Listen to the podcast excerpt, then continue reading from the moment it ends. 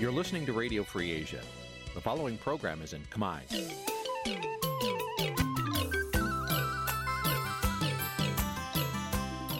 Nǐ ជាកម្មវិធីផ្សាយ Vuthu Azizi Serai នេះជាកម្មវិធីផ្សាយរបស់ Vuthu Azizi Serai ជាភាសាខ្មែរ Vuthu Azizi Serai សូមស្វាគមន៍លោកអ្នកនាងទាំងអស់ពីរដ្ឋធានី Washington នៃសហរដ្ឋអាមេរិកពីរដ្ឋធានី Washington នាងខ្ញុំសុជីវីសូមជម្រាបសួរលោកអ្នកនាងកញ្ញាអ្នកស្ដាប់ Vuthu Azizi Serai ទាំងអស់ជាទីមេត្រីយើងខ្ញុំសូមជូនកម្មវិធីផ្សាយសម្រាប់ព្រឹកថ្ងៃច័ន្ទ12កើតខែពិសាឆ្នាំថោះបัญចស័កពុរសករាជ2566ត្រូវនៅថ្ងៃទី1ខែឧសភាគ្រិស្តសករាជ2023ជាដំបូងនេះសូមអញ្ជើញលោកអ្នកនាង ស្ដាប់ព័ត៌មានប្រចាំថ្ងៃដែលមានមេត្តាដូចតទៅក្រ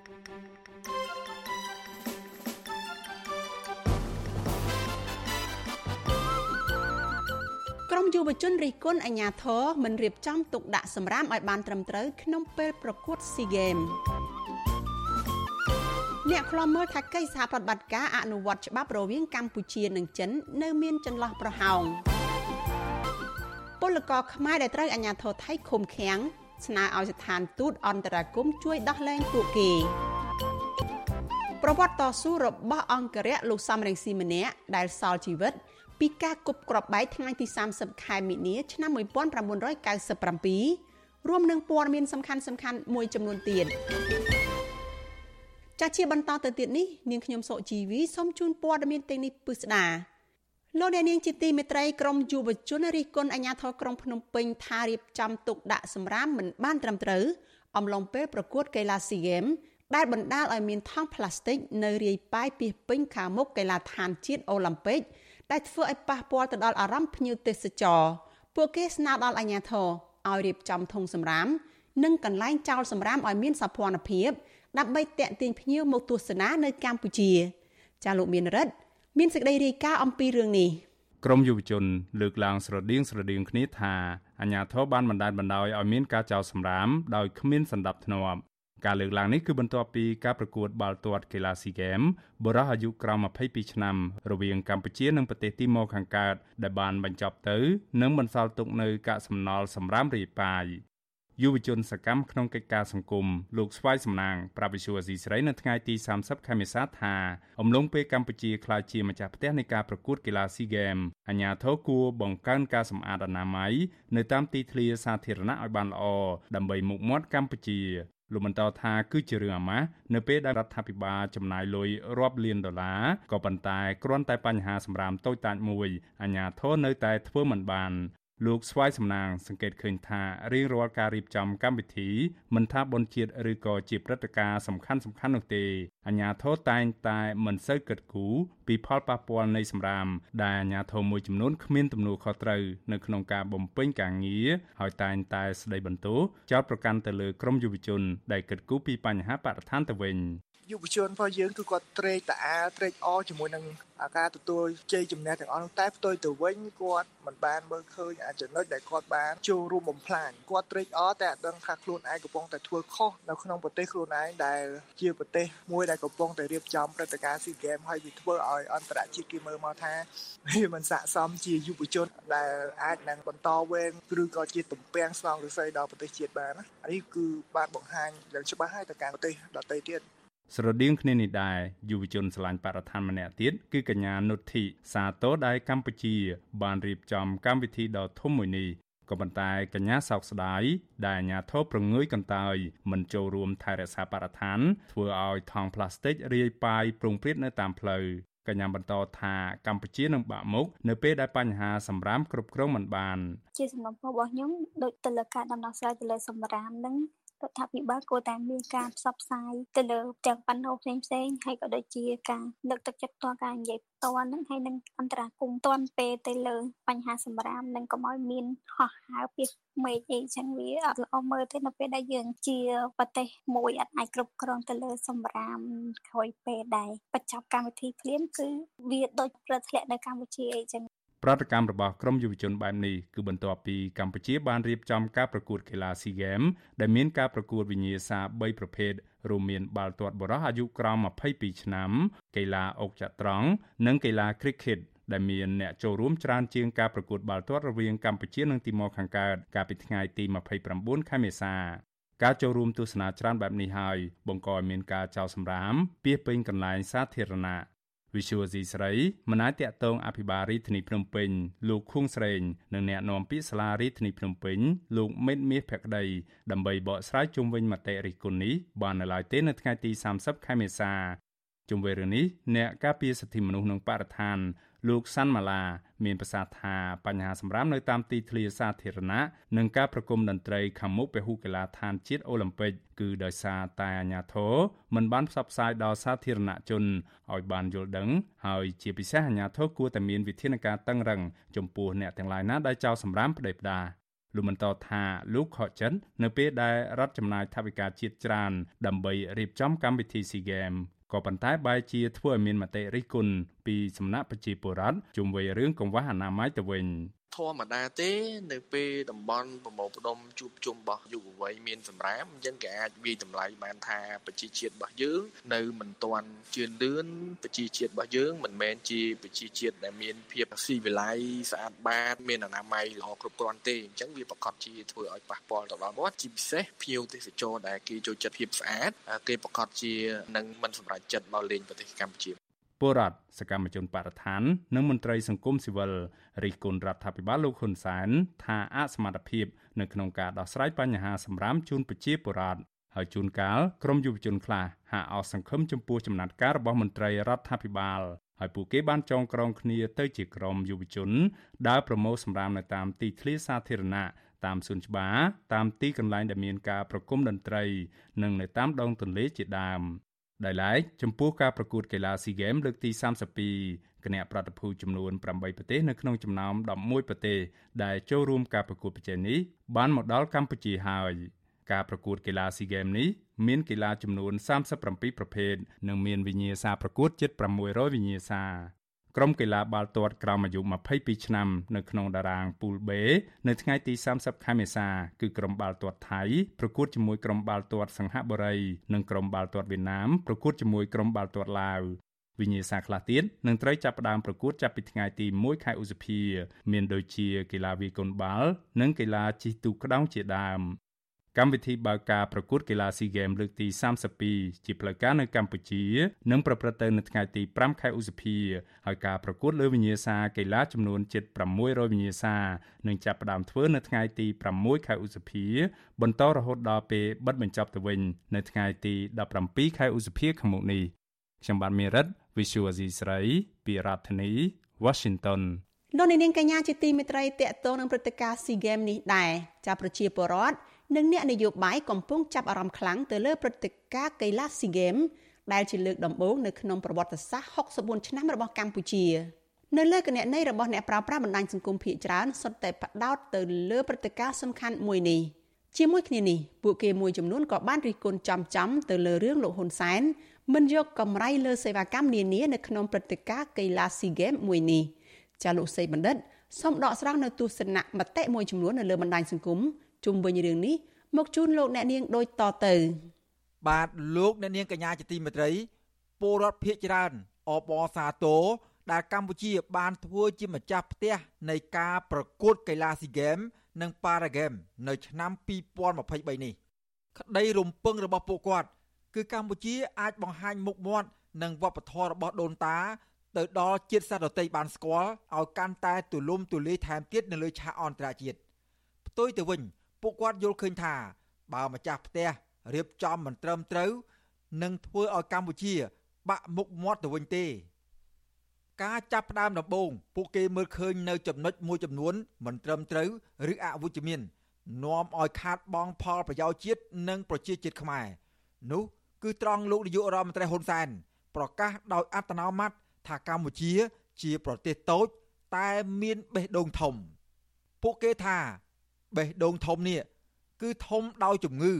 ធ្វើឲ្យរីកហួសមៀតឬខុសប្រក្រតីនិងជាការអួតអាងហួសពីការពិតជុំវិញការរិះគន់បែបនេះ ម្ចាស់កេរនី Facebook មួយឈ្មោះថា Peer Single បានបញ្ចេញមតិគាំទ្រគំនិតលោកហ៊ុនសែនដោយគាត់បានសរសេរថា គេធ្វើនេះដើម្បីឲ្យគេស្គាល់ខ្មែរកាន់តែច្បាស់ថាខ្មែរប្រទេសតូចតែបេះដូងធំឈ្គួតតែអ្នកនៅក្រៅប្រទេសមួយចំនួន ឆ្លើយតបនឹងទស្សនៈបែបនេះម្ចាស់កេរនី Facebook មួយឈ្មោះថាវណ្ណាត បានបញ្ចេញយោបល់តបថាបេះដូងធំហ្នឹងបានស្អីមកវិញ បើខ្លួនឯងក្រឲ្យលហាមយ៉ាងនេះការបញ្ចេញទស្សនៈឆ្លើយតបនឹងរឿងបេះដូងធំនេះដែរម្ចាស់កេរនី Facebook ផ្សេងមួយទៀតដាក់ឈ្មោះថាសៀងអ៊ីត្បូងឃ្មុំ បានខមមិនចំអកឲ្យវិញដែរថាបេះដូងនឹងចូលខ្យល់ទេ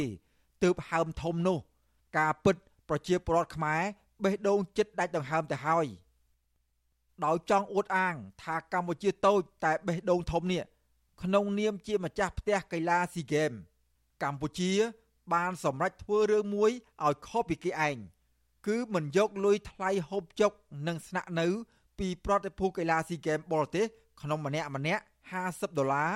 ដែលសរុបប្រមាណស្មើនឹង7លានដុល្លារការសម្រេចបែបនេះ រដ្ឋាភិបាលកម្ពុជា ហាក់មើលរំលងប្រដ្ឋខ្លួនឯងដែលកំពុងក្រីក្ររាប់លានអ្នកបានជំពាក់បំណុលធនាគារវ៉ាន់កនាំគ្នាធ្វើចំណាក់ស្រុកទៅធ្វើការងារនៅក្រៅប្រទេសបែកបាក់គ្រួសារខ្លះចោលប្តីខ្លះចោលប្រពន្ធកូននៅស្រុកកំណើតត្រង់ចំណុចនេះម្ចាស់កេរនី Facebook ឈ្មោះទីនទីនលី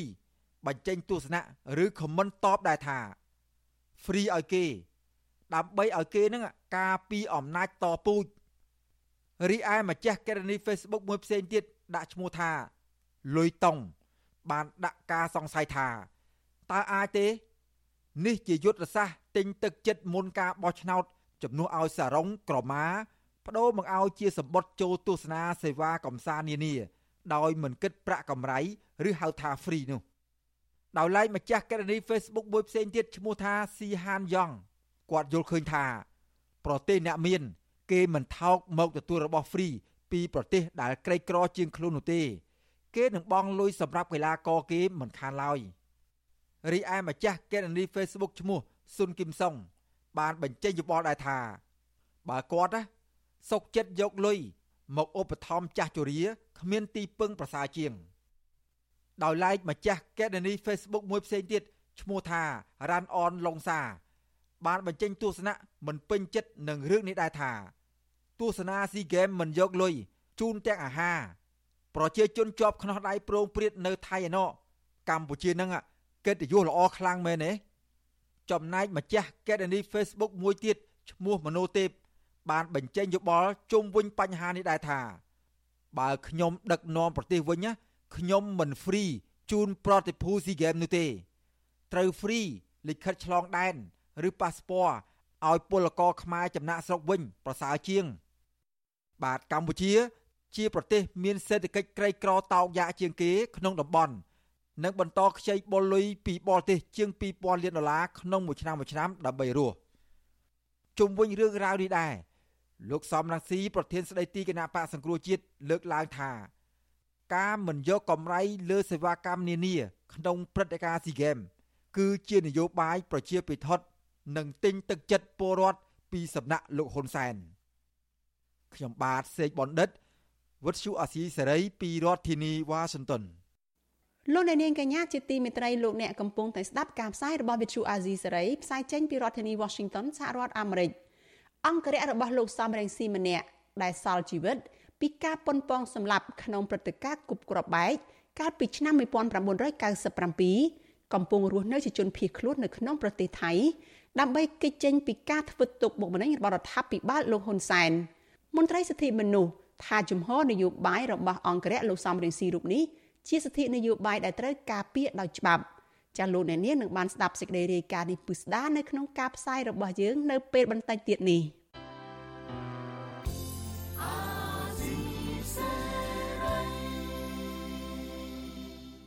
លោកអ្នកនាងកញ្ញាប្រិយមិត្តអ្នកស្ដាប់ជាទីមេត្រីចាព័ត៌មានតកតងនឹងនយោបាយនៅកម្ពុជាវិញម្ដង ចាមន្ត្រីបកប្រឆាំងថានុយដែលលោកហ៊ុនសែនតែងតែយកមកប្រើនៅមុនការបោះឆ្នោតមិនអាចតេទៀងអ្នកនយោបាយដែលមានឧត្តមគតិស្រឡាញ់យុត្តិធម៌និងលទ្ធិប្រជាធិបតេយ្យពិតប្រាកដបានឡើយការលើកឡើងនេះបន្ទាប់ពីមានអ្នកនយោបាយប្រឆាំងម្នាក់ទៀតដែលធ្លាប់រិះគន់រដ្ឋាភិបាលបិណ្ឌសំចៃមាត់ត្រូវបានលោកហ៊ុនសែនផ្ដល់តំណែងខ្ពស់នៅក្នុងជួររដ្ឋាភិបាលបន្ទាប់ពីសុំចុះចូលជាមួយគណៈបកកាន់អំណាចចាលូទីនសការីយ៉ារាយការណ៍ព័ត៌មាននេះ អ្នកនយោបាយប្រឆាំងយល់ឃើញថាវាគ្មានអ្វីចម្លែកឬត្រូវព្រួយបារម្ភនោះឡើយចំពោះរដូវកាលអ្នកនយោបាយនៅក្រៅរដ្ឋាភិបាលទៅចោះចូលជាមួយគណៈបកកណ្ដាលអំណាចនោះនយោបាយអស់ទាញនេះលោកហ៊ុនសែនតែងតែយកមកប្រើប្រាស់ជារឿយៗនៅមុនរដូវកាលបោះឆ្នោតក្នុងចេតនាឃោសនាឲ្យបរដ្ឋគាំទ្រអំណាចផ្ដាច់ការតពុជពងវងត្រកូលរបស់លោកអតីតតំណាងរាជគណៈបកសង្គ្រោះជាតិលោកអ៊ុំសំអានប្រាប់វិទ្យុអាស៊ីសេរីនៅថ្ងៃទី30មេសាថាការផ្ដាល់ទូនាទីធ្វើជំនួយ មិនអាចទាក់ទាញអ្នកនយោបាយដែលមានឆន្ទៈឲ្យទៅចុះចូលនឹងលោកហ៊ុនសែនដែលជាមេដឹកនាំបំផ្លាញលទ្ធិប្រជាធិបតេយ្យរំលោភសិទ្ធិមនុស្សពុករលួយ និងបំផ្លិចបំផ្លាញធនធានធម្មជាតិនោះឡើយលោកបន្តថាសកម្មជននិងមន្ត្រីគណៈបកភ្លើងទៀនជាច្រើនអ្នកសុកចិត្តឲ្យចាប់ចងដាក់ពន្ធនាគារក៏មិនព្រមចោះចាញ់ការអស់ទាញរបស់លោកហ៊ុនសែននោះឡើយព្រោះអ្វីដែលពួកគេចង់បានគឺជាការផ្លាស់ប្ដូរវិជ្ជមានមួយសម្រាប់ប្រទេសជាតិ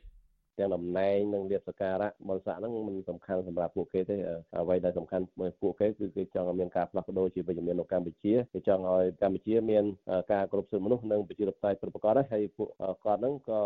ធ្វើនយោបាយជាមួយគណៈបកប្រឆាំងយូរហើយបើគាត់ចង់ចូលចូលយូរការលើកឡើងរបស់មន្ត្រីបកប្រឆាំងនេះធ្វើឡើងបន្ទាប់ពីលោកហ៊ុនសែនបានប្រកាសតែងតាំងលោកសួងសុភ័ណ្ឌប្រធានគណៈបកផ្នែកឈ្នះនិងធ្លាប់ជាប្រធានចលនាយុវជនគណៈបកប្រឆាំង ជារដ្ឋលេខាធិការនៃទីស្តីការគណៈរដ្ឋមន្ត្រីបន្ទាប់ពីលោកយល់ព្រមចុះចូលជាមួយគណៈបកកណ្ដាលអំណាចតាមការអស់ទាញរបស់លោកហ៊ុនសែននេះបើតាមការចុះផ្សាយនៅក្នុងប្រព័ន្ធ Telegram របស់លោកហ៊ុនសែនលោកស៊ុងសុភ័ណ្ឌគឺជាអ្នកនយោបាយធ្លាប់ជាប់ពន្ធនាគារដោយសារតែការរិះគន់របបដឹកនាំរបស់លោកហ៊ុនសែនឥតសំចៃមាត់នោះឥឡូវនេះលោកបានធ្វើវីដេអូថ្លែងអំណរគុណលោកហ៊ុនសែននិងកូនប្រុសរបស់លោកគឺលោកហ៊ុនម៉ាណែតទៅវិញដែលបានបើកភ្លើងខៀវឲ្យលោកចោះចូលជាមួយគណៈបកកណ្ដាលអំណាចនោះ ខ្ញុំសួងសុភ័ណ្ឌសូមជម្រាបសួរសម្ដេចហ៊ុនសែននាយករដ្ឋមន្ត្រីនៃព្រះរាជាណាចក្រកម្ពុជាសូមគោរពជម្រាបសួរអាដាមហ៊ុនម៉ាណែតអនាគតនាយករដ្ឋមន្ត្រីនៃព្រះរាជាណាចក្រកម្ពុជាខ្ញុំសួងសុភ័ណ្ឌបានសម្រេចចិត្តយ៉ាងច្បាស់លាស់នៅថ្ងៃនេះស្នើសុំចូលជីវភាពនយោបាយជាមួយគណៈបព្វជជនកម្ពុជាជុំវិញនឹងការយកទូនាទីចាប់ពីអនុរដ្ឋលេខាធិការឡើងទៅធ្វើជានុយសម្រាប់អស់ទាញនយោបាយប្រឆាំងរបស់លោកហ៊ុនសែន ត្រូវបានលោកអ៊ុំសំអានមើលឃើញទៀតថាក៏អាចធ្វើឲ្យមានការមិនពេញចិត្តក្នុងចំណោមមន្ត្រីគណៈបកកណ្ដាលអំណាចខ្លះដែលខិតខំស្មោះស្ម័គ្របម្រើគណៈបកនេះរាប់សិបឆ្នាំមកហើយក៏ប៉ុន្តែបែរជាមិនទទួលបានការយកចិត្តទុកដាក់ផ្ដាល់ទូនាទីខ្ពង់ខ្ពស់ដោយអ្នកដែលទៅចោះចូលជាមួយគណៈបកកណ្ដាលអំណាចរបស់លោកហ៊ុនសែនទៅវិញទោះបីជាយ៉ាងនេះក្តីអ្នកនាំពាក្យគណៈបកកណ្ដាលអំណាចលោកសុកអេសានអះអាងថាគណៈបកកណ្ដាលអំណាចរបស់លោកគឺជាគណៈបកដែលមានវិន័យថ្លៃថ្នូរនិងមានរបៀបរបបធ្វើការងារត្រឹមត្រូវ ស្របតាមលក្ខន្តិកៈបកហើយរាល់សមាជិកមិនច្រណែនគ្នាក្នុងការទទួលបានទូនាទីអ្វីនោះឡើយ បាទដូច្នេះហើយគឺសមាជិកសមាជិកាគណៈបកមិនមានសតិអារម្មណ៍អល់ឯកឬថ្នាំងថ្នាក់ឬមួយចំណែនចំពោះការតែងតាំងទាំងឡាយដែលថ្នាក់ដឹកនាំរគណៈបកនឹងសម្រេចទេអញ្ចឹងគឺថាទាំងអស់គ្នាដែលជាសមាជិកសមាជិការបស់គណៈបកនឹងតែងតែគោរពការសម្រេចចិត្តរបស់ថ្នាក់ដឹកនាំជានិច្ចអ្វីត្បិតតែអ្នកនាំពាក្យគណៈបកកណ្ដាលអំណាចលើកឡើងបែបនេះក្តី ក៏កាលពីថ្ងៃទី27មេសាលោកហ៊ុនសែនបានសារភាពជាសាធារណៈនៅក្នុងពិធីបិទនិងបើកវគ្គបណ្ដោះបណ្ដាលនៃសាលាភូមិន្ទរដ្ឋបាលថាមានមន្ត្រីមួយចំនួនពូកែខាងដើរអុចអាលមកលើថ្នាក់ដឹកនាំដើម្បីញុះញង់និងបង្ខូចកេរ្តិ៍ឈ្មោះមន្ត្រីផ្សេងទៀតដើម្បីដណ្ដើមអំណាចគ្នាដូចជាការចាក់រុកឲ្យដកតំណែងអភិបាលរាជធានីភ្នំពេញលោកខួងស្រេងនិងតំណែងអភិបាលខេត្តកែបលោកសំពិសិដ្ឋជាដើមលោកបន្តថាចំណែកប្រធានគណៈកម្មការទី1រដ្ឋសភាលោកសចម្រុង ក៏ធ្លាប់ត្រូវបានមន្ត្រីដូចគ្នាចាក់រុកមកថ្នាក់ដឹកនាំឲ្យដកតំណែងនិងចាប់ដាក់ពន្ធនាគារថែមទៀតផង កាលពីលោកធ្វើជាអភិបាលខេត្តបន្ទាយមានជ័យនោះនេះជាបទពិសោធន៍បើសិនជាពេលនឹងខ្ញុំចុះហត្ថលេខាយល់ព្រមឲ្យចាប់ខ្លួនសចម្រុងដោយផ្ទេរសមត្ថកិច្ចពីប្រទេសមានជ័យមកពោធិ៍សាត់តឡាការខេត្តពោធិ៍សាត់សចម្រុងជាប់គុកតាំងពីពេលនោះមិនមែនសចម្រុងកំពុងធ្វើសមាជិកអចិន្ត្រៃយ៍សភា និងជាប្រធានគណៈកម្មការរបស់សភានេះខូចមន្ត្រីមួយចោលទៅទេ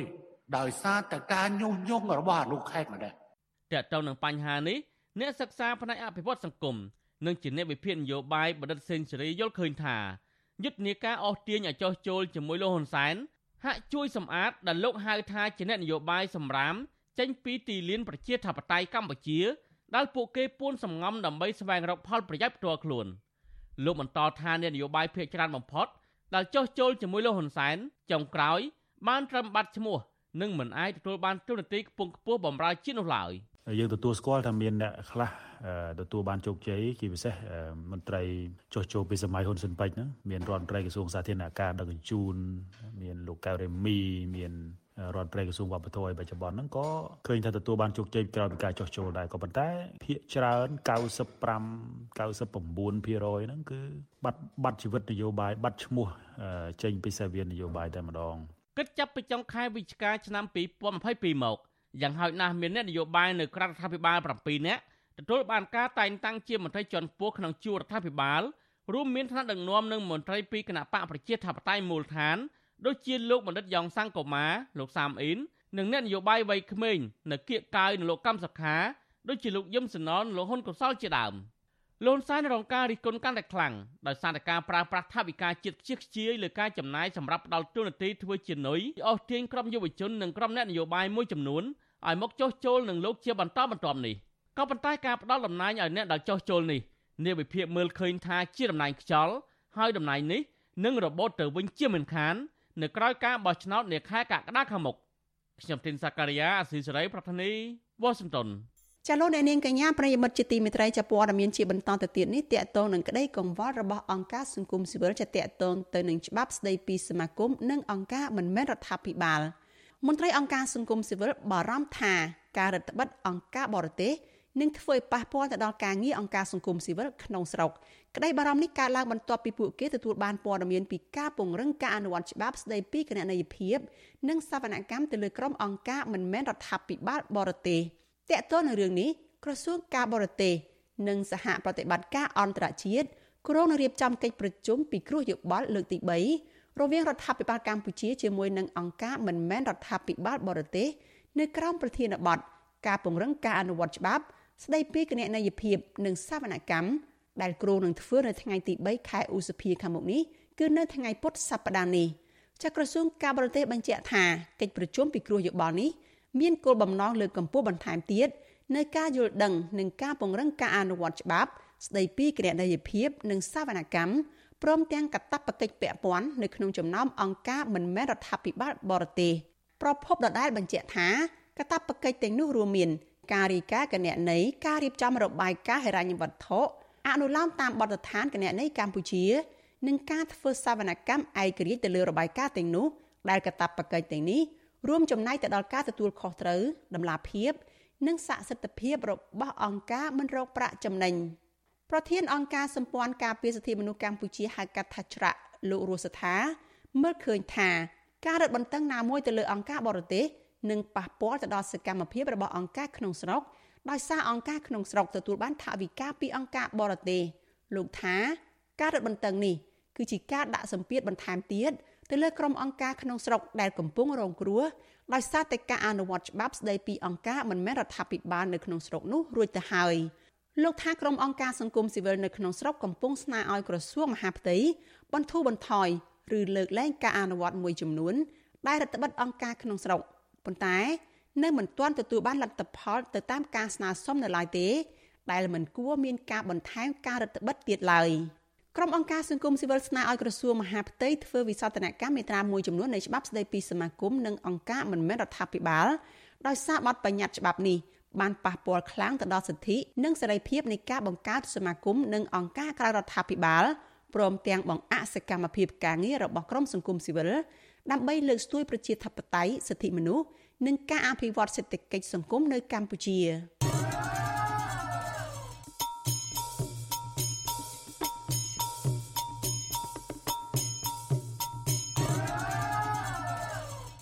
លោកអ្នកនាងកញ្ញាប្រិយមិត្តជាទីមេត្រីចាសសូមបន្តតាមដានការផ្សាយរបស់យើងបន្តទៅទៀតចាប្រពន្ធសកម្មជនគណៈបកភ្លើងទៀននៅឯខេត្តព្រៃវែងដែលកំពុងតែជាប់ឃុំនៅពន្ធនាគារ ស្នើតុលាការទម្លាក់ចោលការចោទប្រកាន់និងដោះលែងប្តីឲ្យមានសេរីភាពឡើងវិញគ្រួសារជនជាប់ឃុំនិងមន្ត្រីសិទ្ធិមនុស្សយល់ថាការយកសំណុំរឿងរៀបចំឯកសារចុះបញ្ជីបេក្ខជនដែលកើតឡើងតាំងពីឆ្នាំ2022មកចោទប្រកាន់និងឃុំខ្លួននៅពេលនេះគឺជារឿងដែលមិនសមហេតុផល ចាលោកមានរិទ្ធមានសេចក្តីរាយការណ៍អំពីរឿងនេះ គ្រួសាររបស់សកម្មជនគណៈបកភ្លើងទៀនខេត្តព្រៃវែងអះអាងថាសញ្ញិតពួកគាត់មិនបានក្លែងបន្លំឯកសាររៀបចំបញ្ជីដាក់ពាក្យបេក្ខជនឈរឈ្មោះបោះឆ្នោតជ្រើសរើសក្រុមប្រឹក្សាឃុំសង្កាត់កាលពីឆ្នាំ2022ដោយតាមការចោទប្រកាន់របស់តុលាការនោះទេប្រពន្ធជំទប់ទី2នៃឃុំប្រាសាទនៃគណៈបកភ្លើងទៀនស្រុកកំពង់ត្របែកដែលកំពុងជាប់ឃុំ លោកប៊ិនជងគឺលោកស្រីយិនសារឿនប្រាវិសុវស៊ីស្រីនៅថ្ងៃទី30ខែមេសាថា ប្តីលោកស្រី គឺជាមនុស្សស្អាតស្អំបម្រើសង្គមដោយស្មោះស្ម័គ្រនិងទទួលបានការគោរពស្រឡាញ់ពីពលរដ្ឋនៅតាមមូលដ្ឋានស្ត្រីវ័យ61ឆ្នាំរូបនេះឲ្យដឹងថានៅមុនពេលប្តីលោកស្រីជាប់ពន្ធនាគារដោយអយុត្តិធម៌លោកប៊ិនចុងត្រូវបានគេតាមអូសទាញឲ្យចុះចូលគណៈបកប្រជាជនកម្ពុជាជាច្រើនដងមកហើយក៏ប៉ុន្តែគាត់តែងតែបដិសេធ លោកស្រីចាត់ទុកការចាប់ប្រកាន់និងការចាប់ខ្លួនប្តីកាលពីពេលថ្មីៗនេះថាជារឿងនយោបាយហើយស្នើដល់តុលាការឲ្យដោះលែងប្តីឲ្យមានសេរីភាពមកវិញ។ឯកសារទៅទូពីគេមកហ្នឹងគាត់គាត់មានអ្នកទៅខិតបខំបងប្អូនណាទេនៅវាដូចទៅអយុធធម៌ពេកទេវាទោះគាត់មិនដែលមានរឿងរ៉ាវអីមួយបងប្អូនរឿងចឹងចឹងទេធ្វើការងារក៏គាត់គេកាច់កង់ឲ្យចំណងដូចថារឿងនយោបាយអីចឹងដូចទៅរឿយរឿយមកគាត់ហ្នឹងគាត់ គេចេះតែឲ្យគាត់ចុះចូលអីគេអញ្ចឹងណាតែគាត់មិនចុះចូលទន្ទឹមគ្នានេះលោកស្រីយិនសារឿនព្រួយបារម្ភពីសុខភាពប្តីជាខ្លាំងពីព្រោះប្តីគាត់មានវ័យកាន់តែចាស់និងមានជំងឺប្រចាំកាយច្រើនមុខដែលត្រូវថែទាំឲ្យបានដដល់ពីកូនចៅខណៈឆ្មាំពន្ធនាគារខេត្តមិនអនុញ្ញាតឲ្យក្រុមគ្រួសារចូលសួរសុខទុក្ខប្តីនៅឪពុកឡើយលោកស្រីយល់ថាការធ្វើបែបនេះគឺជារឿងអយុត្តិធម៌និងជាការធ្វើឲ្យគ្រួសារលោកស្រីឈឺចាប់កាន់តែខ្លាំង បាក់សពគ្រប់គ្រូអានឹកទៅគ្រូសានៅក្នុងគឺពិបាកប្របិនអីហ្នឹងយ៉ាងណាពីខ្ញុំនៅផ្ទះហ្នឹងខ្ញុំមិនគិតទេពិបាកអីក៏ដោយតែតែគិតនឹកឃើញសពគ្រប់វាអាយុធัวពេកខ្ញុំមានការជឿចាប់ណាគូមកទៅឃើញមានទៅសោះស្រាប់ថាបើកើតមករឿងអញ្ចឹងឯងឲ្យតឡាការហ្នឹងចាំដោះលែងគាត់ទៅក៏គាត់គូគ្មានទូកំហុសអីដែរ វិសុវស៊ីស្រីមិនអាចតាក់ទងแนะនាំពាក្យស្លាដំបងខេត្តព្រៃវែងអ្នកស្រីអាតសុខនដើម្បីបញ្ជាក់ជុំវិញរឿងនេះបាននៅឡើយទេនៅថ្ងៃទី30ខែមេសា ក៏ប៉ុន្តែអ្នកនាំពាក្យអគ្គនាយកដ្ឋានពន្ធនាគារនៃក្រសួងមហាផ្ទៃលោកនុតសាវណ្ណាប្រាប់ថាមូលហេតុដែលមន្ត្រីពន្ធនាគារមិនអនុញ្ញាតឲ្យគ្រួសារចូលជួបជនជាប់ឃុំ ដោយសារតែជនជាប់ឃុំត្រូវធ្វើចតាល័យស័ករយៈពេល15ថ្ងៃជាមុន ឬជនជាប់ចោតត្រូវបំពេញលក្ខខណ្ឌច្បាប់តម្រូវជាដើម ស្របពេលដែលការបោះឆ្នោតជ្រើសតាំងតំណាងរាស្ត្រកាន់តែខិតជិតមកដល់សកម្មជនគណៈបកភ្លើងទៀនខេត្តព្រៃវែងចំនួន4នាក់ដែលជាក្បាលម៉ាស៊ីនដឹកនាំសំខាន់នៅថ្នាក់ក្រោមជាតិត្រូវបានសមត្ថកិច្ចចាប់ខ្លួនជាបន្តបន្ទាប់ក្នុងនោះរួមមានលោកប៊ិនជងនិងអ្នកស្រីសេងវិសាល លោកអេងជានិងលោកហេងសំអឿនតឡាការខេត្តព្រៃវែងបានចាត់ប្រកាន់ពួកគាត់ដោយដូចគ្នា ពីបទក្លែងនិងប្រើប្រាស់ឯកសារសាធារណៈក្លែងពាក់ព័ន្ធនឹងការរៀបចំបញ្ជីបេក្ខជនឈរឈ្មោះបោះឆ្នោតជ្រើសរើសក្រុមប្រឹក្សាឃុំសង្កាត់កាលពីខែមីនាឆ្នាំ2022មន្ត្រីសិទ្ធិមនុស្សយល់ឃើញថាការចាត់ប្រកាន់ទៅលើសមាជិកគណៈបពប្រឆាំងជាហោហែម៉ានីគឺជារឿងនយោបាយច្រើនជាងការអនុវត្តច្បាប់ទាក់ទងនឹងរឿងនេះនាយកទទួលបន្ទុកកិច្ចការទូតនៃអង្គការសិទ្ធិមនុស្សលីកាដូលោកអំសមាត មើលឃើញថាការចោទប្រកាន់នឹងឃុំខ្លួនទៅលើសកម្មជនគណបកភ្លើងទៀននៅខេត្តព្រៃវែងចំនួន4នាក់ទាក់ទងទៅនឹងការរៀបចំបញ្ជីបេក្ខជនក្រុមប្រឹក្សាឃុំសង្កាត់កន្លងមនុស្សហាក់ធ្វើឡើងមិនសមហេតុផល ពីព្រោះបញ្ហានេះត្រូវដោះស្រាយតាំងពីដំបូងដែលដើមបណ្ដឹងត្រូវប្តឹងតាមនីតិវិធីទៅកោចបដើម្បីជំទាស់ឈ្មោះបេក្ខជន និងបញ្ជីបេក្ខជនជាដើម ទោះយ៉ាងណាមន្ត្រីសិទ្ធិមនុស្សរូបនេះព្រួយបារម្ភអំពីបរិយាកាសនយោបាយនៅមុនការបោះឆ្នោតខាងមុខនេះដោយសារតែថ្នាក់ដឹកនាំនិងសកម្មជនគណបកប្រឆាំងបានរងនៅអំពើហិង្សានិងការចាប់ខ្លួនដាក់ពន្ធនាគារជាបន្តបន្ទាប់រឿងនេះវាជិតទៅដល់ការបោះឆ្នោតជាតិពេលខាងមុខទៀតទៅហើយបានដំណើររឿងនៃការកោះហៅសាកសួរហើយនិងការឃុំខ្លួនបណ្ដោះអាសន្នទៅលើអ្នកទាំង4នាក់ហ្នឹង ត្រូវបានកើតឡើងដែលបញ្ហានេះយើងឃើញថាទាំងអង្គការសិទ្ធិមនុស្សជាតិអង្គការសិទ្ធិមនុស្សអន្តរជាតិក៏ដូចជាក្រុមប្រឹក្សាសិទ្ធិមនុស្សហើយនិងសហគមន៍អន្តរជាតិគេយល់ឃើញថាករណីនេះវាជាករណីនយោបាយច្រើនជាងការអនុវត្តច្បាប់គណៈបកភ្លើងទៀនគឺជាដៃគូប្រគល់ប្រជែងជាមួយគណៈបកប្រជាជនកម្ពុជា នៅក្នុងការបោះឆ្នោតជាតិខែកក្កដាខាងមុខនេះ ថ្នាក់ដឹកនាំនិងសកម្មជនគណបកភ្លើងទៀនមួយចំនួនកំពុងរងនឹងការចាប់ខ្លួន ការប្តឹងផ្តល់តាមផ្លូវតុលាការការគំរាមកំហែងដល់អាយុជីវិត ការវាយធ្វើបាបការធ្វើទុកបុកម្នេញពីសំណាក់អាជ្ញាធរនិងតុលាការនៃរដ្ឋាភិបាលលោកហ៊ុនសែនអង្គការឃ្លាំមើលសិទ្ធិមនុស្សអន្តរជាតិ Human Rights Watch កាលពីថ្ងៃទី24ខែមេសា បានចេញសេចក្តីថ្លែងការណ៍ថាលោកហ៊ុនសែនកំពុងប្រើគ្រប់ឧបាយកល គៀបសង្កត់ដើម្បីកម្ចាត់ក្រុមអ្នកនយោបាយបពប្រឆាំងចេញពីកម្ពុជានៅមុនការបោះឆ្នោតអង្គការនេះទទូចឲ្យបណ្ដាប្រទេសប្រជាធិបតេយ្យធំធំដាក់សម្ពាធលើរដ្ឋាភិបាលលោកហ៊ុនសែនជុំវិញទំនាក់ទំនងនយោបាយនិងសេដ្ឋកិច្ចនៅពេលខាងមុខដែលត្រូវផ្សារភ្ជាប់ទៅនឹងសកម្មភាពរបស់កម្ពុជា ស្របតាមកាតព្វកិច្ចសិទ្ធិមនុស្សអន្តរជាតិខ្ញុំបាទមេរិត Visual C ស្រី ពីរដ្ឋធានី Washington លោកអ្នកនាងជាទីមេត្រី សហជីពក្រុមហ៊ុនបនលបែង Nagavel ធ្វើយុទ្ធនាការតាមបណ្ដាញសង្គមបង្ហាញពីកោតកម្មអហិង្សារបស់ពួកគេ ដើម្បីទាមទាររោគយុត្តិធម៌ជូនតំណាងសហជីពរបស់ពួកគេ គឺកញ្ញាឈឹមស៊ីធមន្ត្រីអង្គការសង្គមស៊ីវិលថាកោតកម្មរបស់បុគ្គលិកក្រុមហ៊ុន Nagavel ជាកោតកម្មដែលវែងជាងគេអស់បន្លាយជាង1ឆ្នាំទៅហើយនិងស្នើដល់រដ្ឋាភិបាលឲ្យពន្យាការដោះស្រាយវិវាទការងារមួយនេះ។ ក្រុមកោតក្រ Nagavel ធ្វើយុទ្ធនាការក្នុងគោលបំណងបង្ហាញសារដើម្បីបន្តធ្វើកោតកម្មនឹងរឿងអយុត្តិធម៌នៅក្នុងសវនកម្មដែលតុលាការសាលាដំបងរាជធានីភ្នំពេញបានចោទប្រកាន់ពីបទញុះញង់ទៅលើតំណាងពួកគាត់ចំនួន7នាក់ទាំងគ្មានកំហុសនិងចង់បង្ហាញសារទៅមហាជន និងពលរដ្ឋទាំងក្នុងនិងក្រៅប្រទេសយុទ្ធនាការនេះចាប់ផ្ដើមតាំងពីថ្ងៃទី28ខែមេសា បន្ទាប់ពីសវនកម្មលើកទី9របស់តំណាងសហជីព Nagavel គឧតកោ Nagavel ម្នាក់កញ្ញាម៉ែនសុធីវឌ្ឍនៈប្រាប់វិទ្យុអាស៊ីសេរីនៅថ្ងៃទី30ខែមេសាថាការធ្វើយុទ្ធនាការតាមបណ្ដាញសង្គមនេះគឺដើម្បីបង្ហាញពីសេចក្តីក្លាហានក្នុងការបន្តកោតកម្មរយៈពេលជាង1ឆ្នាំ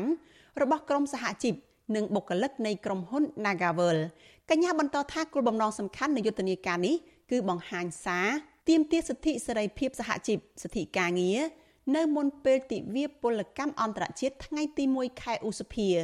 ចំពោះខ្ញុំជាកតកនៅក្នុងក្រុមហ៊ុន Nagawer ខ្ញុំនៅតែអះអាងនៅក្នុងភាពអស់អាចដែលយើងត្រូវតែដើរទៅមុខទៀតដើម្បីបន្តនៅក្នុងការស្វែងរកយុត្តិធម៌ពិតប្រាកដមួយសម្រាប់ពួកយើងពួកយើងអត់រីរេនៅក្នុងការបញ្ឈប់នៅការតវ៉ានឹងទេព្រោះជាក់ស្ដែងយើងចង់បង្ហាញថាពួកយើងគឺពិតជាត្រូវការយុត្តិធម៌មួយពិតប្រាកដហើយនឹងប្រាំទៅតកែនានាកុំឲ្យប្រើសិទ្ធិអំណាចនៅក្នុងទឹកប្រាក់របស់គាត់ដើម្បីទាញយកសិទ្ធិសេរីភាពរបស់សហជីព វិទ្យុអាស៊ីសេរីនៅមិនទាន់អាចតាក់ទងแนะនាំពាក្យក្រសួងការងារលោកហេងសួរ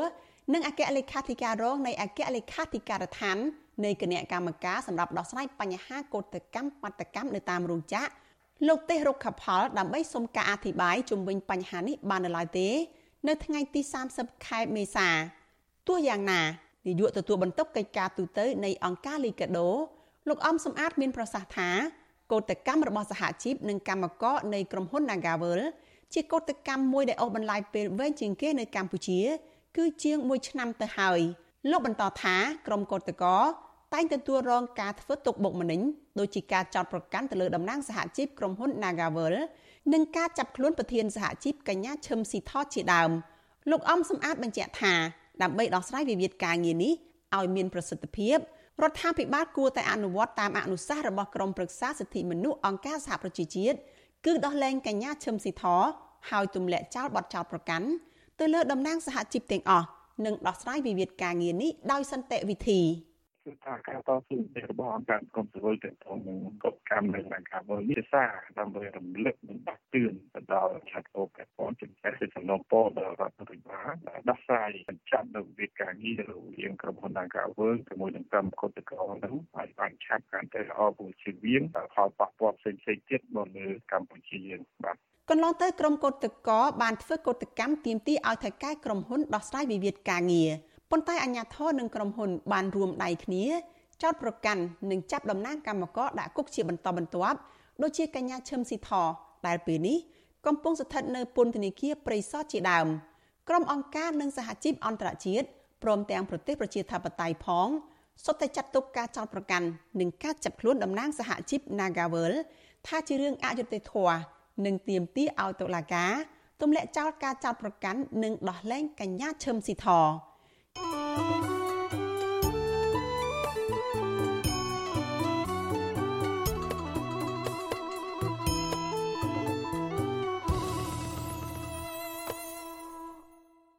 លោកអ្នកនាងកញ្ញាប្រិយមិត្តអ្នកស្ដាប់ជាទីមេត្រីលោកអ្នកកំពុងតែស្ដាប់ការផ្សាយរបស់វិទ្យុអាស៊ីសេរី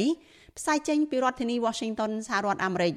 ចាសសេចក្តីរាយការណ៍ពីប្រទេសថៃឯណោះឲ្យដឹងថា ពលករខ្មែរកំពុងជាប់ឃុំនៅក្នុងប្រទេសថៃអស់រយៈពេល10ថ្ងៃមកហើយនោះចាសស្នើសុំឲ្យស្ថានទូតខ្មែរនៅទីក្រុងបាងកកជួយអន្តរាគមន៍ដោះលែងពួកគេដើម្បីឲ្យពួកគេបានធ្វើការងាររកប្រាក់ចំណូលឡើងវិញមន្ត្រីអង្គការសង្គមស៊ីវិលលើកឡើងថាបើទោះបីជាពលករខ្មែរធ្វើចំណាក់ស្រុកទៅធ្វើការដោយខុសច្បាប់នៅក្នុងប្រទេសថៃក្តីក៏ស្ថានទូតខ្មែរនៅប្រទេសថៃត្រូវតែការពារពលរដ្ឋរបស់ខ្លួនផងដែរ ចាសសូមស្ដាប់សេចក្តីរាយការណ៍របស់លោកសនច័ន្ទរដ្ឋាអំពីរឿងនេះពលករខ្មែរដែលកំពុងជាប់ឃុំនៅការិយាល័យប៉ូលីសក្រុងបាងកកប្រទេសថៃជាង10នាក់ដែលអាជ្ញាធរថៃបានឃាត់ខ្លួនកាលពីថ្ងៃទី20ខែមេសាលើកឡើងថាពួកគាត់នៅតែមានការព្រួយបារម្ភថាអាជ្ញាធរថៃមិនដល់លែងពួកគាត់ធ្វើការងារវិញទេបើទោះបីជាពួកគាត់បង់ប្រាក់ចំនួន3000បាតឲ្យក្រុមអាជ្ញាធរថៃរួចហើយក្តីពលករខ្មែរធ្វើការនៅប្រទេសថៃផ្នែកសំណង់លោកស្រីស៊ុនទីមប្រាវិជូអស៊ីសេរីថាលោកស្រីនៅតែមានការព្រួយបារម្ភ ថាអាជ្ញាធរថៃមិនព្រមដល់លែងលោកស្រីឲ្យមានសេរីភាពដើម្បីធ្វើការរកប្រាក់ចំណូលឡើងវិញដោយសារមាននាយិមខ្មែរប្រាប់លោកស្រីថាគេមិនដល់លែងក្រុមលោកស្រីទាំង5នាក់ទេដោយសារក្រុមលោកស្រីបានចែករំលែករូបភាពពេលអាញាធរថៃក៏ខ្លួនលើបណ្ដាញសង្គម Facebook ថ្លែងដល់សម្លេងសឹកសួលស្របពេលដែលកំពុងជាប់ឃុំលោកស្រីស៊ុនទីមបន្ថែមថាគ្រួសារលោកស្រីបានធ្វើចំណាក់ស្រុកដោយបថុយបឋានខុសច្បាប់ធ្វើការនៅប្រទេសថៃកាលពីខែមីនាឆ្នាំ2023ដោយសារគ្រួសារលោកស្រីមានជីវភាពលំបាក ហើយគ្មានលុយបង់ធនាគារខ្ញុំអត់មានស្រែទេធ្វើចំការដាំបន្លែតិចតួចចឹងហើយដល់ពេលខ្ញុំលក់ទៅវាថោកខំដាំចឹងទៅថោកវាមិនបានថ្លៃទៅហើយទៅមានត្រត្រង់រួចខ្ញុំចាំចំណូលពរឲ្យជួយពួកខ្ញុំឲ្យបានរួចផុតផងកុំឲ្យមានទោស3 4ខែទៀតបើជាប់ទៀតខ្ញុំអត់មានរលុយបង់អង្គការបង់ធនាគារកាលពីថ្ងៃទី25ខែមេសាកន្លងទៅ មានការចែករំលែករូបថតពលករខ្មែរពីរសន្លឹកលើបណ្ដាញសង្គម Facebook យ៉ាងផុសផុលរូបថតបង្ហាញពីរូបភាពពលករជាស្ត្រីខ្មែរ5នាក់ត្រូវបានអាជ្ញាធរថៃចាប់ដាក់ខ្នោះដោយភ្ជាប់គ្នាពីខ្នោះមួយទៅខ្នោះមួយដោយច្រវាក់ដែកមួយមានទំហំប៉ុនមេដៃដោយឡែករូបភាពបង្ហាញពីទស្សនវិជ្ជាដែលពលករខ្មែរកំពុងចាប់ឃុំក្នុងបន្ទប់ឃុំឃាំងដែលមានលក្ខណៈចង្អៀតណែនដែលមានអ្នកទោសជាង20នាក់ក្នុងបន្ទប់ឃុំឃាំងនោះវិទ្យុអាស៊ីសេរីមិនតន់អាចតតងស្ថានទូតខ្មែរប្រចាំទីក្រុងបាងកកប្រទេសថៃ ដើម្បីបកស្រាយអំពីរឿងនេះបានឡើយទេ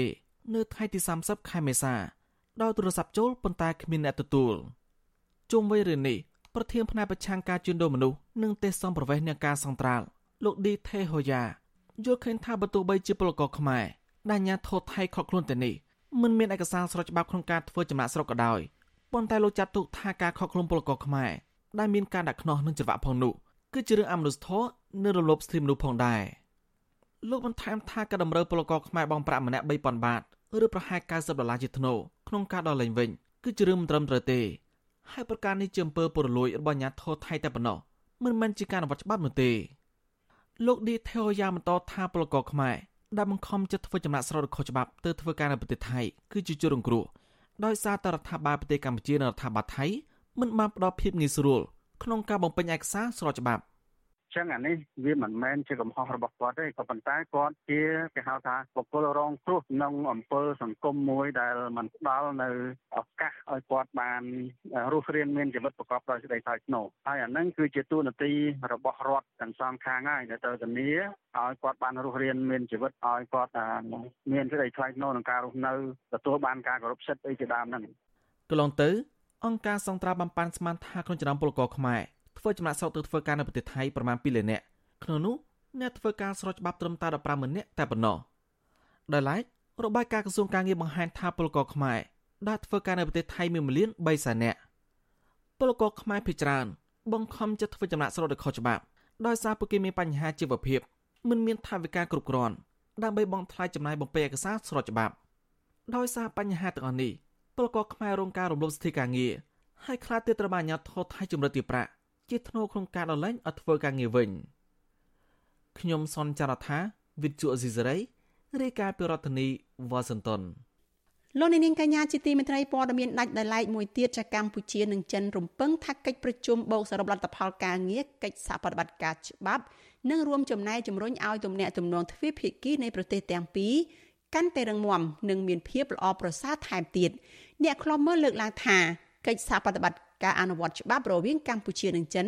នៅមានចន្លោះប្រហោង ត្បិតអ ுக ្រិតជនចិនមួយចំនួន មានឥទ្ធិពលហើយពួកគេនៅតែអាចប្រើប្រាស់ទឹកដីខ្មែរធ្វើអាជីវកម្មជួញដូរមនុស្សនិងបើករោងចក្រផលិតគ្រឿងញៀនជាដើមចាសសូមស្ដាប់សេចក្តីរាយការណ៍របស់លោកយុនសាមៀនអំពីរឿងនេះដូចតទៅកម្ពុជានិងចិនបានឯកភាពគ្នាបង្កើនកិច្ចសហប្រតិបត្តិការអនុវត្តច្បាប់លើក្រមអ ுக ្រិតជនបង្ក្រាបអ ுக ្រិតកម្មគ្រឿងញៀន ការជួញដូរមនុស្សនិងការឆបោកតាមប្រព័ន្ធអ៊ីនធឺណិតរដ្ឋមន្ត្រីក្រសួងមហាផ្ទៃលោកសខេងបានឲ្យដឹងតាម Facebook នៅថ្ងៃ30ខែមេសាថាការរួមចំណែកកាន់តែសកម្មក្នុងកិច្ចសហប្រតិបត្តិការអនុវត្តច្បាប់ទ្វេភាគីរវាងកម្ពុជានិងចិននឹងលើកកម្ពស់ទំនាក់ទំនងកិច្ចសហប្រតិបត្តិការយ៉ាងរឹងមាំនិងស៊ីជម្រៅរវាងភាគីទាំងពីរជាមួយគ្នានេះលោកសខេងឯកភាពលើការបណ្ដុះបណ្ដាល និងការផ្លាស់ប្តូរបទពិសោធន៍ជាមួយចិន តាមរយៈវេទិកាអន្តរជាតិនានា រវាងមន្ត្រីនគរបាលកម្ពុជានិងចិន លោកឲ្យដឹងទៀតថាកិច្ចសហប្រតិបត្តិការជាមួយចិន ក្នុងការអនុវត្តច្បាប់មានសារៈសំខាន់ស្របពេលដែលលោកសខេងអះអាងថាបទល្មើសជួញដូរមនុស្សជាង90%នៅកម្ពុជា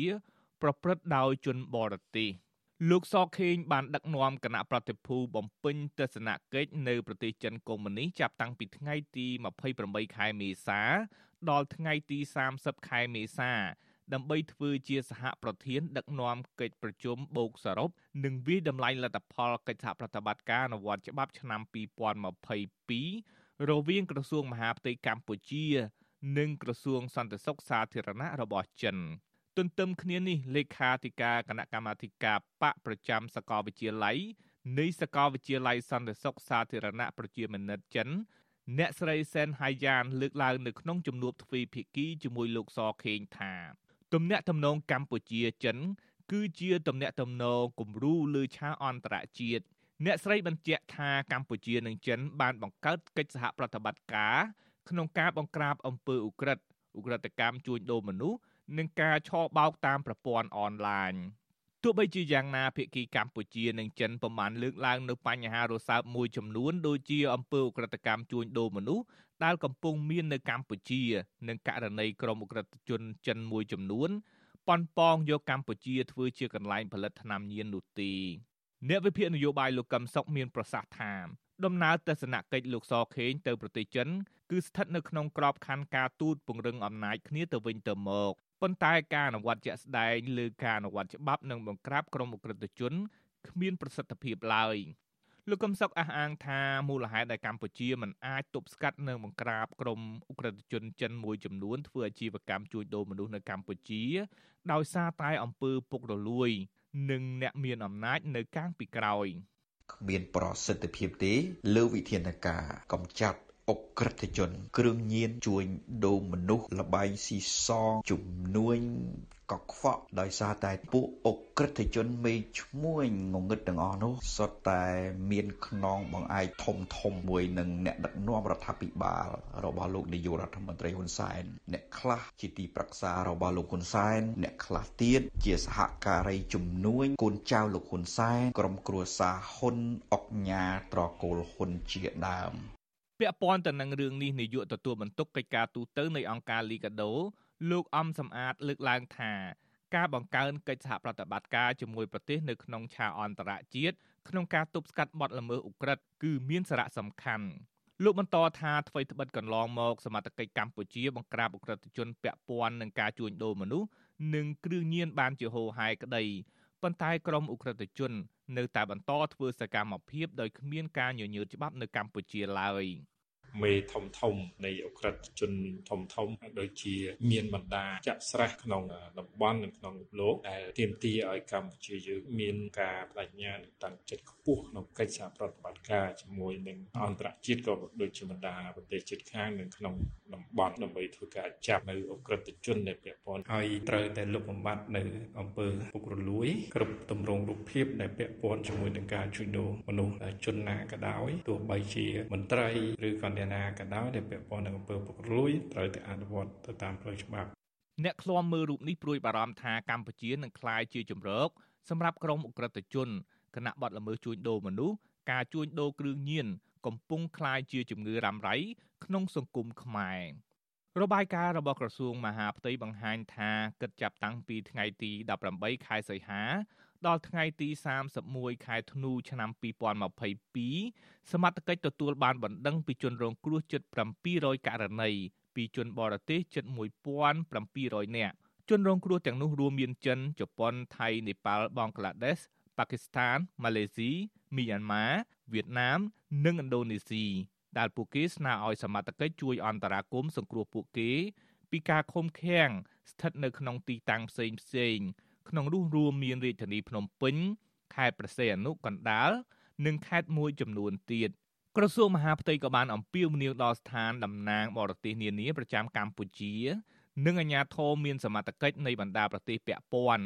សហការនឹងផ្ដល់ព័ត៌មានពាក់ព័ន្ធអំពើជួញដូរមនុស្សនិងឧក្រិដ្ឋកម្មឆ្លងដែនផ្សេងទៀតជូនសមត្ថកិច្ចកម្ពុជា ដើម្បីបង្ការទប់ស្កាត់និងបង្ក្រាបឲ្យបានទាន់ពេលវេលា ប្រកបដោយប្រសិទ្ធភាព ខ្ញុំយុនសាមៀនវិទ្យុអាស៊ីសេរីប្រធានាទីវ៉ាស៊ីនតោន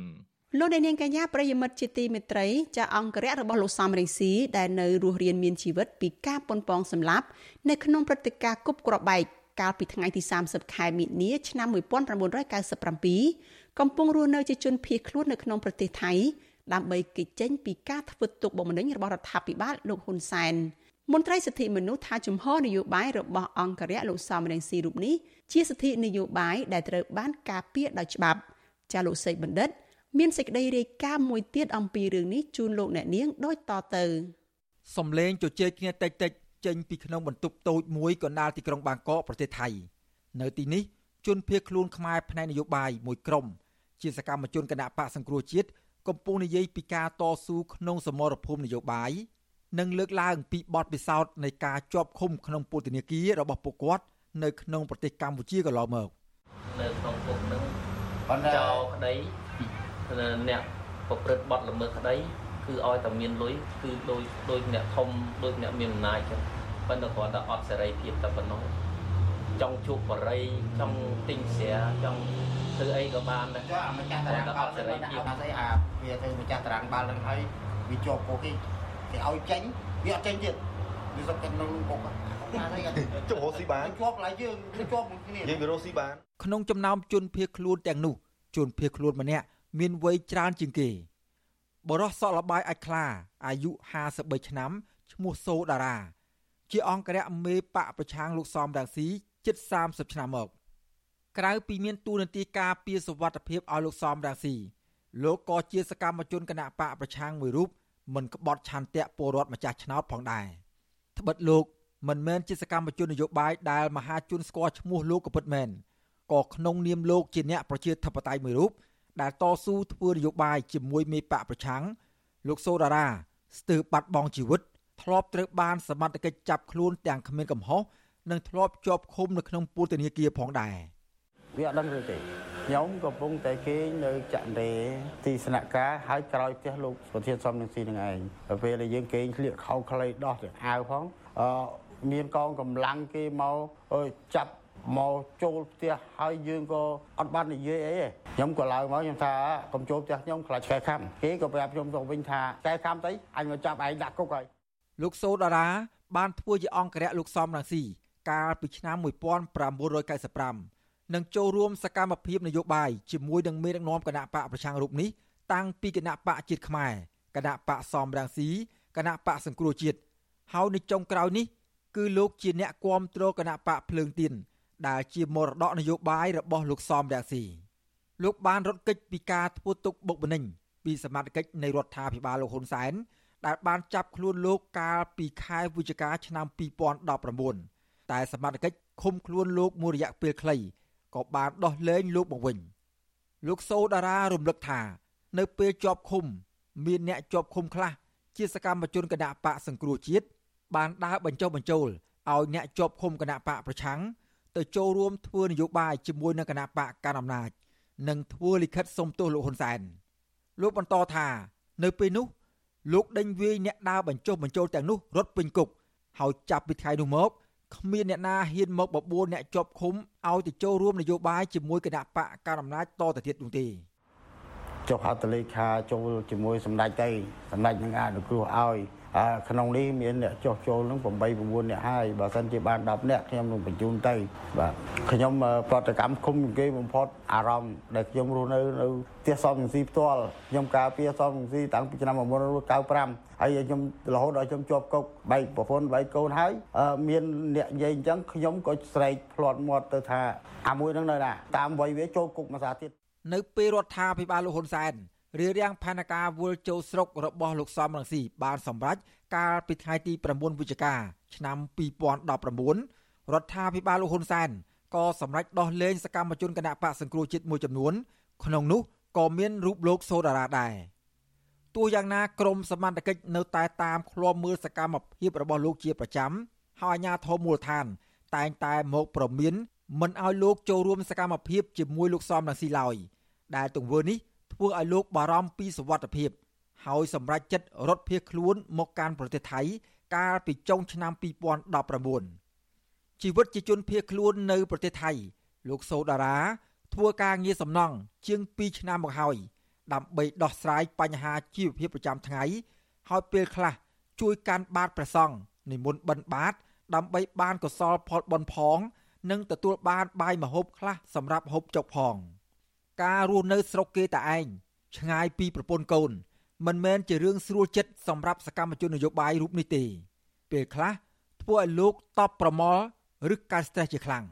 ហេជក់បរិយហ្នឹងវាវារឿងរំខានទេអាហ្នឹងវាចេះជក់មកពីមុនមកតិចតួចដែរប៉ុន្តែដោយសារការ stress ក៏ថាយើងវាស្មុគស្មាញក្នុងជីវិតបែកបាក់គ្រួសារប្រពន្ធកូននៅស្រុកខ្មែរនោះផងអញ្ចឹងទៅ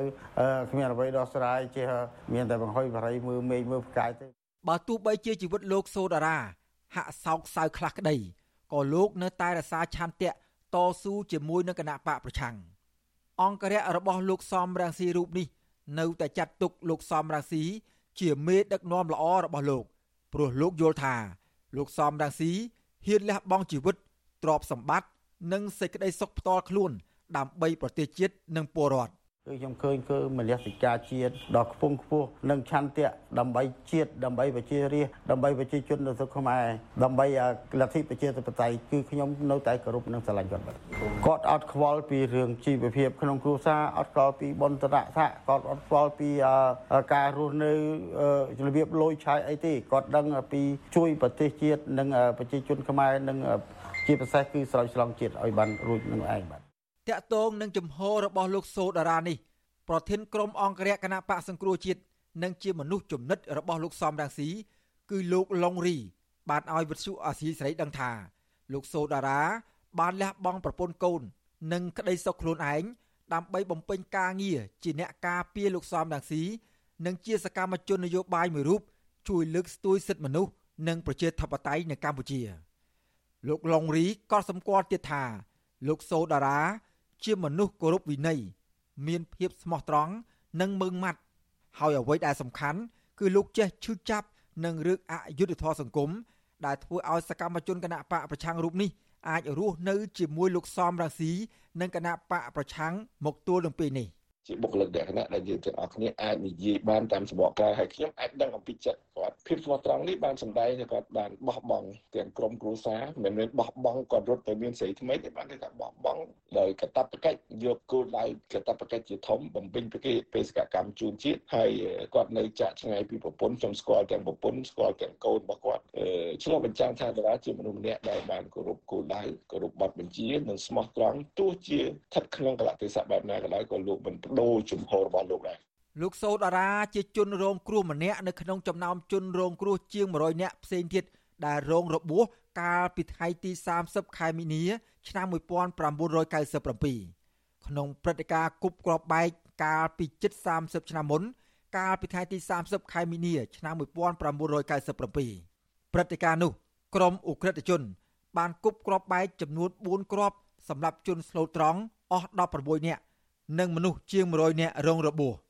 ក្រុមជនដៃដល់ប៉ុនប៉ងសម្លាប់លោកសំរងស៊ីនិងភរិយារបស់លោក គឺអ្នកស្រីជូឡុងស៊ូម៉ារ៉ានិងលោកជីវជាប៉ុន្តែអំពើឃាតកម្មនេះគ្រាន់តែបណ្ដាលឲ្យលោកសំរងស៊ីរងរបួសធ្ងន់ហើយអ្នកស្លាប់ភ ieck ច្រើន គឺជាកម្មកររោងចក្របញ្ញវន្តនិស្សិតនិងអង្គរៈរបស់លោកសំរងស៊ីលោកសោតអារារំលឹកថា កាលពីក្នុងហេតុការណ៍នោះ លោករងរបួស ដោយត្រូវអំបែងក្របបែកចំខ្នងដៃនិងជើង តែលោកអាចទប់ស្មារតីខ្លួនឯងបាន ហើយលោកនិងអង្គរៈរបស់លោកសំរាស៊ីមួយចំនួនទៀតបានលើកគ្រាលោកសំរាស៊ីយកទៅសង្គ្រោះបន្ទាន់លោកសូដារ៉ាយល់ថាព្រឹត្តិការណ៍នោះ គឺជាការប៉ុនប៉ងសម្លាប់លោកសំរាស៊ីព្រោះនៅកន្លែងកើតហេតុតាំងពីមុនពេលមានករណីគប់ក្របបែកនិងក្រោយពេលគប់ក្របបែក គឺមានការឃ្លាំមើលពីសមត្ថកិច្ចរបស់រដ្ឋាភិបាលលោកនៅចាំបានថានៅពេលលោកសំរងស៊ីត្រូវរបួសមានសម្លេងនិយាយគ្នាតាមវិទ្យុតាក់ទងផ្ដល់ដំណឹងថា លោកសំរងស៊ីត្រូវរបួសធ្ងន់ហើយ។ បងប្អូនដែលរស់នៅជាអង្គរៈហ្នឹងគាត់អ្នកខ្លះត្រូវកាពេះគូតអ្នកខ្លះត្រូវក្បាលអ្នកខ្លះត្រូវមុខចឹងទៅដែលលោកគ្រប់ទៅដល់គាត់ហ្នឹងធ្វើឲ្យឈាមហ្នឹងហូរប្រឡាក់គាត់ច្រើនពេលនោះចម្រែកលឺមកតាមអ៊ីកុំស្អីថាអូអាវ៉ែនតាត្រូវធ្ងន់ហើយអញ្ចឹងមូលហេតុហ្នឹងហើយបានយើងដឹងថាពេលដឹងថាអាវ៉ែនតាត្រូវធ្ងន់ហើយបានពួកវាឈប់បោកយើងស្ដាប់តាមអ៊ីកុំពួកអ៊ីកុំពួកវានៅជុំទិសតាក់ទោនឹងការលើកឡើងរបស់លោកសូដារ៉ាបែបនេះវិទ្យុអាស៊ីសេរី នៅមិនទាន់សុំការបកស្រាយពីអ្នកនាំពាក្យអគ្គស្នងការដ្ឋាននគរបាលជាតិលោកឆាយកឹមខឿននិងប្រធានអង្គភិបអ្នកនាំពាក្យរដ្ឋាភិបាលលោកផៃស៊ីផានបានទេ នៅថ្ងៃទី30ខែមេសាទោះយ៉ាងណារបាយការណ៍ស៊ើបអង្កេត របស់ការិយាល័យស៊ើបអង្កេតសហព័ន្ធរបស់អាមេរិក FBI រកឃើញថាលោកហ៊ុយពិសិដ្ឋនិងលោកហ៊ីងប៊ុនហៀងដែលកាលនោះជាប្រធាន និងជាអនុប្រធានក្រុមកងអង្គរៈរបស់លោកហ៊ុនសែនជាអ្នករៀបចំ និងជាអ្នកបញ្ជាផ្ទាល់នៃការគប់គ្រាប់បែកលើអ្នកតវ៉ាអហិង្សានោះចំណែកតុលាការប្រទេសបារាំងនៅទីក្រុងប៉ារីសកាលពីថ្ងៃទី30ធ្នូឆ្នាំ2021បានចេញដីកាចាប់ខ្លួនលោកហ៊ុយពិសិដ្ឋនិងលោកហ៊ីងប៊ុនហៀងក្នុងករណីគប់គ្រាប់បែកនេះតាមបណ្ដឹងរបស់លោកសំរងស៊ីនាយកទទួលបន្ទុកកិច្ចការទូតនៃអង្គការលីកាដូលោកអំសំអាតយល់ឃើញថារដ្ឋាភិបាលគួរតែបើកការស៊ើបអង្កេតបន្ថែមទៀត លើករណីគប់គ្រាប់បែកនេះដើម្បីលាងជម្រះការចោទប្រកាន់នានា ដែលថារដ្ឋាភិបាល មានជាប់ពាក់ព័ន្ធនឹងរឿងនេះមន្ត្រីសិទ្ធិមនុស្សរូបនេះក៏សង្កេតឃើញផងដែរថា នៅប៉ុន្មានឆ្នាំចុងក្រោយនេះសកម្មជនគណបកប្រឆាំងមួយចំនួន តែងតែរងនៅអំពើហិង្សា ការចោទប្រកាន់តាមផ្លូវតុលាការនិងការធ្វើទុកបុកម្នេញនានា ដែលធ្វើឲ្យអ្នកខ្លះរត់ភៀសខ្លួនទៅកាន់ប្រទេសថៃលោកអមសំអាតយល់ថា ចំពោះឆន្ទៈលោកសូដារ៉ានិងសកម្មជនគណបកប្រឆាំងផ្សេងទៀតដែលនៅតែបន្តគាំទ្រគណៈបកប្រឆាំងគឺជាសិទ្ធិនៅក្នុងការគាំទ្រគណៈបកនយោបាយដែលត្រូវបានការពារដោយច្បាប់ជាតិនិងអន្តរជាតិ បាទយើងវាឆន្ទៈហើយនឹងអណ្ដំកតេឬក៏ចិត្តស្រឡាញ់និងស្មោះស្ម័គ្រវាជាសិទ្ធិរបស់ពលរដ្ឋមួយមួយដែលគាត់អាចជ្រើសរើសយកគណៈបកនយោបាយឬក៏មេដឹកនាំគណៈបកនយោបាយណាមួយដែលខ្លួនពេញចិត្តណា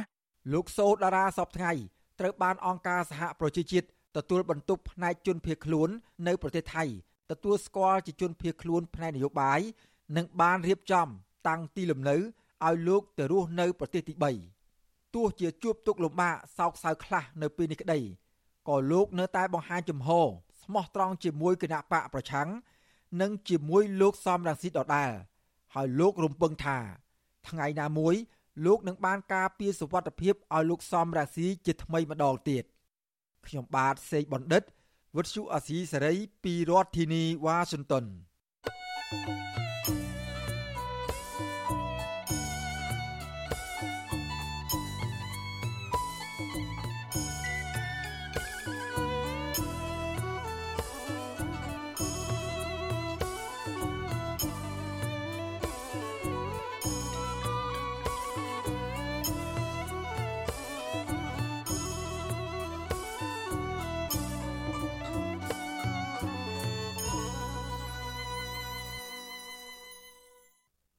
លោកអ្នកនាងកញ្ញាប្រិយមិត្តជាទីមេត្រីចាការផ្សាយរយៈពេល1ម៉ោងរបស់វិទ្យុអាស៊ីសេរីជាភាសាខ្មែរនៅព្រឹកនេះចាប់ត្រឹមតែប៉ុណ្ណេះ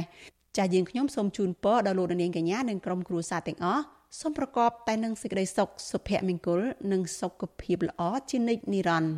ចានាងខ្ញុំសូមអរគុណនិងសូមជម្រាបលា